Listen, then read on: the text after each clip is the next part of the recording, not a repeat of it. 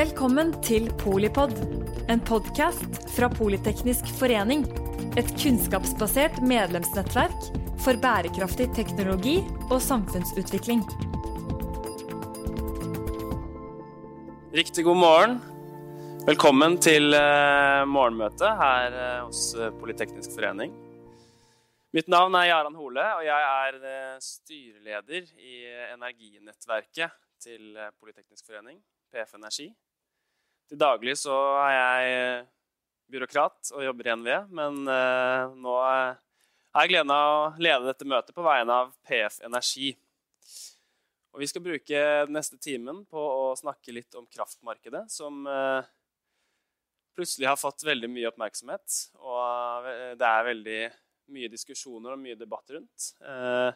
Og vi i PF Energi vi ønsker jo å løfte denne debatten og hente flinke og interessante folk fram på scenen for å ja, egentlig dele av den kunnskapen som mange sitter med, og som mange har lyst på. Så vi har et veldig spennende program. Vi har fått med oss Elisabeth Sæter. Du har jo en bred erfaring fra kraftbransjen. Men også sittet litt på forskjellige sider i interesseorganisasjoner og Naturvernforbund og Bellona. Men i mars ble du statssekretær i Olje- og energidepartementet. Um, og Vi starter med noen reaksjoner fra deg, og så kan vi få, se om vi rekker å få opp de to andre innlederne for en liten, noen kommentarer etter hvert. Men uh, jeg kan jo starte med å spørre deg. da, Hva, hva er dine reaksjoner på disse to innleggene? Hva jeg må nesten starte med å få takk for invitasjonen og muligheten til å få bruke en time på morgenen til å lytte til gode og interessante innledninger, og ikke minst å få diskutere energipolitikk. Det er jeg kan, uten å skulle si noe plutselig minus som jeg var statssekretær i Olje- og energidepartementet, så kan jeg si at det, det føles som en gave. Eh, energifeltet er eh, høyt på agendaen eh, nå. Og det er klart, det skyldes jo i stor grad de høye prisene som vi har hatt, og som igjen er knytta til den tragiske situasjonen i Ukraina. Og, eh, når jeg ble invitert til dette seminaret, så tenkte jeg for første tenkte jeg takk. For det andre så tenkte jeg at det er veldig fort at tittelen på debatten fort blir altså, Skal vi fikse kraftmarkedet, eller hva, eh, hva, kan vi gjøre for å ja, må, vi, må vi over på et annet system? fra et politisk hold så er det naturlig å starte litt med altså, hva er målene våre. Hva er det vi ønsker? Og da syns jeg både Berit og Anders er inne på eh, litt av kjernen i det. Altså, hva er det kraftsystemet og kraftmarkedet skal bidra til å oppnå? Og da har vi vært inne på egentlig kjernepunktene. Eh, forsyningssikkerhet, lys i lampa fortsatt rimelige og konkurransedyktige priser for folk i Norge, for industrien vår. Jeg er sjøl fra en plass med kraftslukende industri og vet hvor viktig det er for et samfunn med god tilgang på ren og rikelig kraft.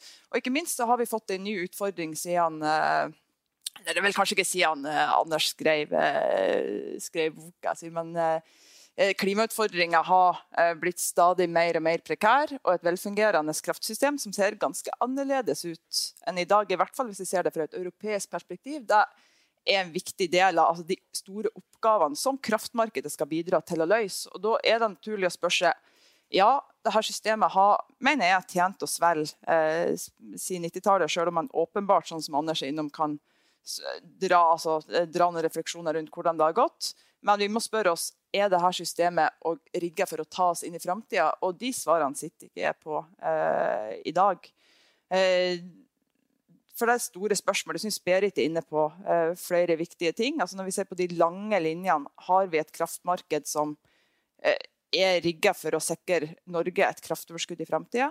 Eh, som Anders er innom, har vi et kraftmarked som sikrer at det har legitimitet i befolkninga. Da tror jeg ikke vi skal underkjenne at vi er nødt til å, at folk føler seg trygge på at det kraftmarkedet vi har, det kraftsystemet vi har, det er rigga for å gi eh, folk lys i lampa, eh, strøm til konkurransedyktige priser, sånn at vi fortsatt har arbeidsplasser i det landet, og ikke minst at det klarer å ta oss med på den utfordringa det er å skulle over til et lavutslippssamfunn.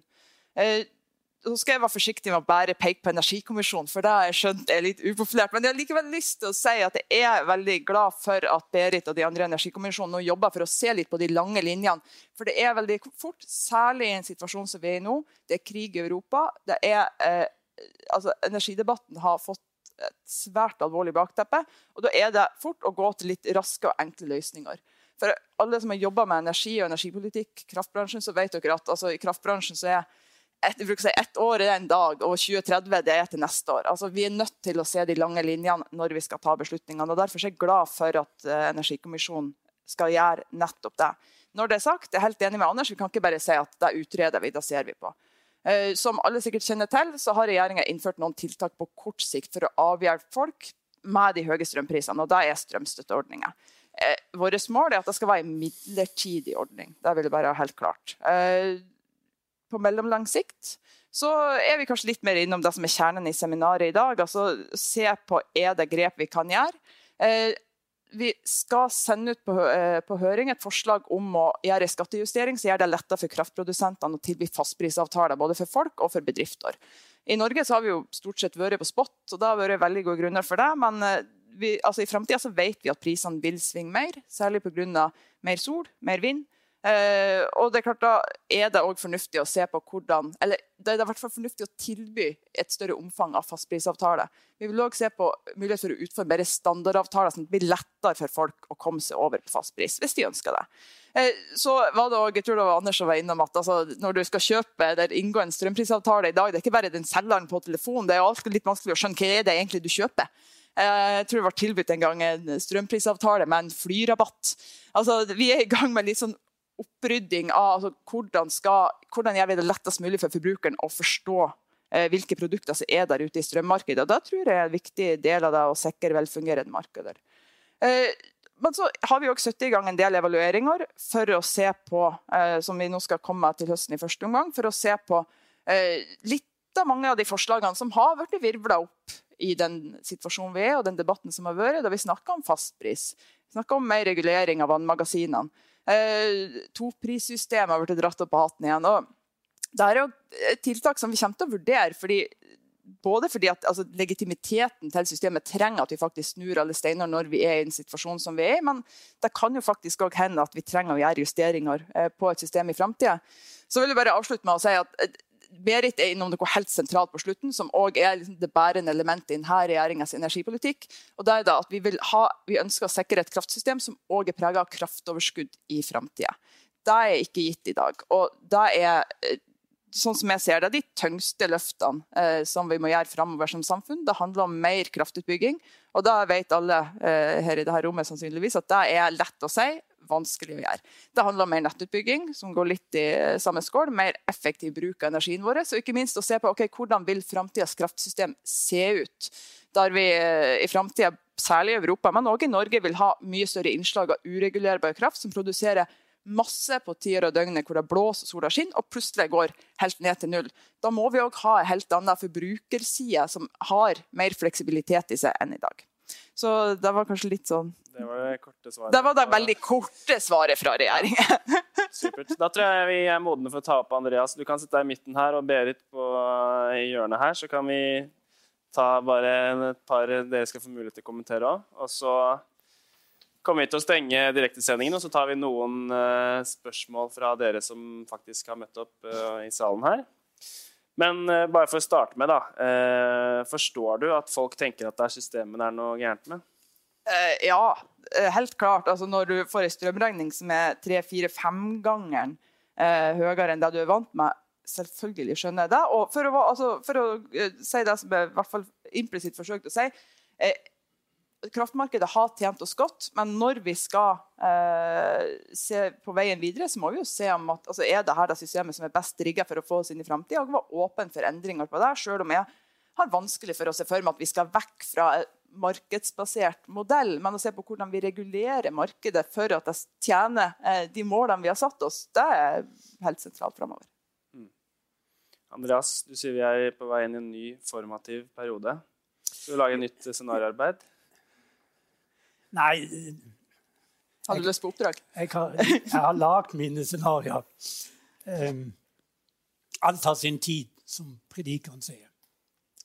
Jeg, jeg har ett poeng, og det er til statssekretæren, som uh, understreker, eller la meg si prøver å få folk til å tro at uh, midlertidige ordninger er midlertidige. Altså Midlertidige ordninger har en tendens til å bli permanente. Og når det gjelder det at du har gitt forbrukerfaen lillefingeren ved å få inntrykk av at staten sikrer at ikke prisene er for høye, så kan du ikke avskaffe det igjen. Det er sånn politikk oppstår. Det er sånn nye sosiale, institusjonelle ordninger oppstår. At de først er midlertidige, så viser det seg at de blir populære. De blir tatt for gitt, og dermed er det ikke mulig å avskaffe lenger. Det, det er dette som ligger i, i, i, i um, fleksible sosiale kontrakter, som endrer seg hele tida. Og nå er det i ferd med å bli en helt normal forventning til at staten garanterer at strømprisene ikke skal følge markedet. Men at de følger en annen logikk, en annen standard, en annen lovmessighet, en annen form for eh, legitimitet. Så jeg spår at eh, dere ikke klarer å, eh, å, gjøre disse her midlertidige ordningene midlertidige. De kommer på en eller annen måte til å bli permanente, eventuelt med krav eller ombygging av selve systemet. Fordi jeg mener, krig er en uheldig omstendighet. Russland er en varig endra rammevilkår for hele Norges og Europas energisituasjon. Og det er et, en, en, et politisk argument om at vi har æren for snøen som falt i fjor. Det er lite holdbart. Altså at det, var, at det var billig kraft for noen år siden. Og derfor er markedssystemet legitimt. Nei, det er sånn i politikken at du blir tilstilt ansvar for den snøen som mangler nå, og ikke æren for snøen som falt i fjor. Og én ting til, og det er at um, vi har jo for, Det har vært for, uh, forsøkt som en legitimeringsfaktor for eh, nye utbygginger av kraft i Norge med et slags altruistisk, moralsk argument det er vår moralske plikt å være Europas grønne batteri. Hele argumentasjonen, legitimiteten til den argumentasjonen har falt sammen. Det er ikke lenger en, et altruistisk argument at vi skal, vi skal, være Europas grønne batteri og i den, i den grønne omstillinga. Men hovedpunktet mitt var den nye sosiale kontrakten som må etablere seg på en eller annen måte. Den kommer til å innebære statsgarantier for priser. Andreas, du sier Støre nå må du høre maks 70 øre, og etter det så kommer staten og tar en viss prosentandel av den prisen som er for høy. At det er det nye kravet fra folket? Det, nei, men dette kommer til å etableres som en selvfølgelighet. At staten har tatt på seg en forpliktelse som staten, staten, har, staten har nesten aldri innført en, noe som blir oppfatta som en slags velferdsgaranti, mm. og så tatt den bort igjen. Man får kommentere? Ja, altså, jeg tror Finansdepartementet blitt ganske irritert hvis det bare nikka og sa greit, vi innfører det. Jo, men, det... Nei, men, men ja, vi, målet... vet, vi vet hvem som styrer det. målet må jo være at uh, vi skal finne uh, altså at vi skal komme, uh, om ikke tilbake til de prisnivåene som var før, men at vi finner en måte hvor forbrukeren kan le med én mer svingende prisår. For det kommer til å skje. Og det er helt uavhengig av den tragiske situasjonen i, i Ukraina. Men òg at, vi, at vi klarer å skape fortsatt kraftoverskudd i Norge, sånn at vi har forhåpentligvis rimeligere priser enn en man har hatt på kontinentet, sånn som vi har hatt tidligere. men når det er sagt eh, altså, Ja, det å skulle si at vi skal være Europas grønne batteri det er, Jeg vil ikke bruke de ordene for å si det på politikerspråk. Men samtidig, når vi f.eks. snakker om en gigantisk havvindutbygging på norsk sokkel, det er klart at den er drevet av at Europa desperat trenger mer energi. Og Det skal ikke gå på bekostning av mulighetene til rimelige priser for industri og forbrukere i Norge, men det er likevel en mulighet, og jeg vil også, kan gjerne også si en plikt vi har til å, til å bidra. Men det blir feil å sette det ene opp mot det andre. Jeg ser helt fint at vi har nok havrom å ta til at det er kraft både til, til Norge og til kontinentet. Kan jeg bare få en bitte liten ting til? Ja, det er kjempekort. Ja. Um, Hvis jeg skal gjøre det så kort, så må jeg bruke litt tid til å tenke først. Kanskje jeg bare får si noe først? Ja. Jeg synes det, jeg, jeg, si jeg syns det var veldig gode scenarioer. Jeg syns de fortsatt er relevante. Eh, de, og de fanger jo opp jeg, Selvfølgelig så er det jo disse veiene, men når man jobber med scenarioer, så jobber man jo også med de spenningene. Og de spenningene ser vi jo, har vi jo sett underveis, og vi har sett disse her, eh, blandingen av ting. Jeg syns det var fint at markedsscenarioet var i midten, da. men, eh, men for det, det, er jo det som jeg har også sikkert, hvis jeg hadde jobba i Ekom på den tida, begynte der litt senere, så ville jeg sikkert òg ha jobba med det markedsscenarioet. Men jeg konstaterer jo også at vi alle er tror på det samme. Dette er jo 25, over 25 år siden. Hvis mm. vi alle sammen på, tror mest på det, eller argumenterer mest for de samme scenarioene som vi gjorde før. Men, eh, men, de er relevante, eh, og de er nyttige. Og det er nyttig at vi hører på hverandre, fordi de har disse innebygde spenningene. Og så et siste poeng. Alt forandrer seg. Det er ikke sånn at scenarioene er akkurat sånn. De ble, det ble ikke akkurat sånn. Det er akkurat de tingene. Jeg tror ikke at ei ordning fordi at du har innført den, er liksom hogd i stein. Men at den kommer til å påvirke det, de valgene vi tar framover, det kommer det til å gjøre. Og så Et siste poeng er at jeg, vi må skynde oss. Vi, før har vi sagt at vi må skynde oss, men vi må skynde oss langsomt. Vi må tenke oss om. Vi har ikke så god tid til å tenke oss om. Vi må skynde oss. Det er egentlig det som står igjen. Men da må vi også passe på å beholde det som funker. Og jeg tror at et velfungerende marked og markedspriser som gir effektiv utbygging og priser, det gir også et godt grunnlag for både investeringer og legitimitet, som vi trenger. Men vi trenger ikke bare det. Vi trenger ordninger, men vi trenger kanskje ikke en sånn direkte overføring til alle forbrukerne. Det kommer til å justeres. For Da kan du få avslutte hvis du var klar, har ferdig tenkt nå. Denne korte, ja. ja. Det var at ellers vil ethvert finansdepartement og enhver regjering skryte av hvor mye staten tar inn i avgifter og uh, fortjeneste. For det kan brukes til masse gode formål. Når det gjelder Statkraft og statens inntekter på at kraftprisen er så høy, så går ikke finansministeren og sier 'kom igjen med pengene', nå får jeg mye penger som vi kan bruke til andre gode formål. Det blir nærmest sagt at er, vi er litt lei oss for at vi tjener så mye penger.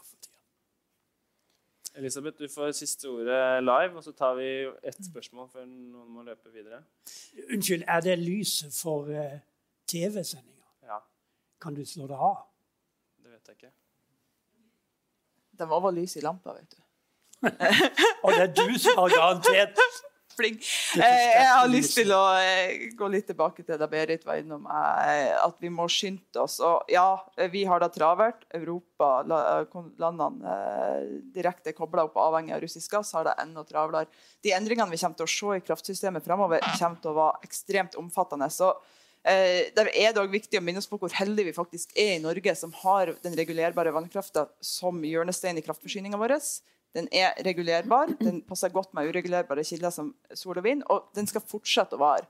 Europa er en stikk motsatt situasjon, hvor de har termisk produksjon som ligger til grunn, og som skal bort. Mm. Eh, så det kraftsystemet, vi, Når vi diskuterer hvordan vi skal klare å si, holde legitimiteten i systemet, så vi er også òg nødt til å ta inn over oss at det systemet vi snakker om, det vil se radikalt annerledes ut. Og jeg er helt enig med Berit i ja, vi har veldig dårlig tid. Samtidig så er så er jeg redd for at det kan gjøre at vi tar noen lettvinte løsninger. En ting er i debatten om kraftmarkedet, men òg i forhold til lokal involvering når det gjelder utbygging av mer kraft, som vi trenger, og ikke minst utbygging av mer nett, som vi vet skaper stort engasjement. Så eh, møter som dette, og ha åpen og god diskusjon med både scenarioer og eh, gode analyser. Det tror jeg er en del av nøkkelen for å klare å skape forståelsen for det store skiftet som vi må gjennom. og Derfor vil jeg bare si tusen takk igjen for eh, invitasjonen.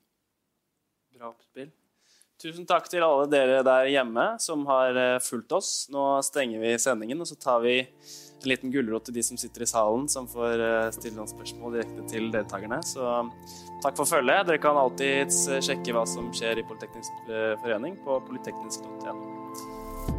Takk for at du lyttet til Polipod fra Politeknisk forening. Få med deg flere episoder, eller bli med på nettverksmøtene som du finner på at polyteknisk.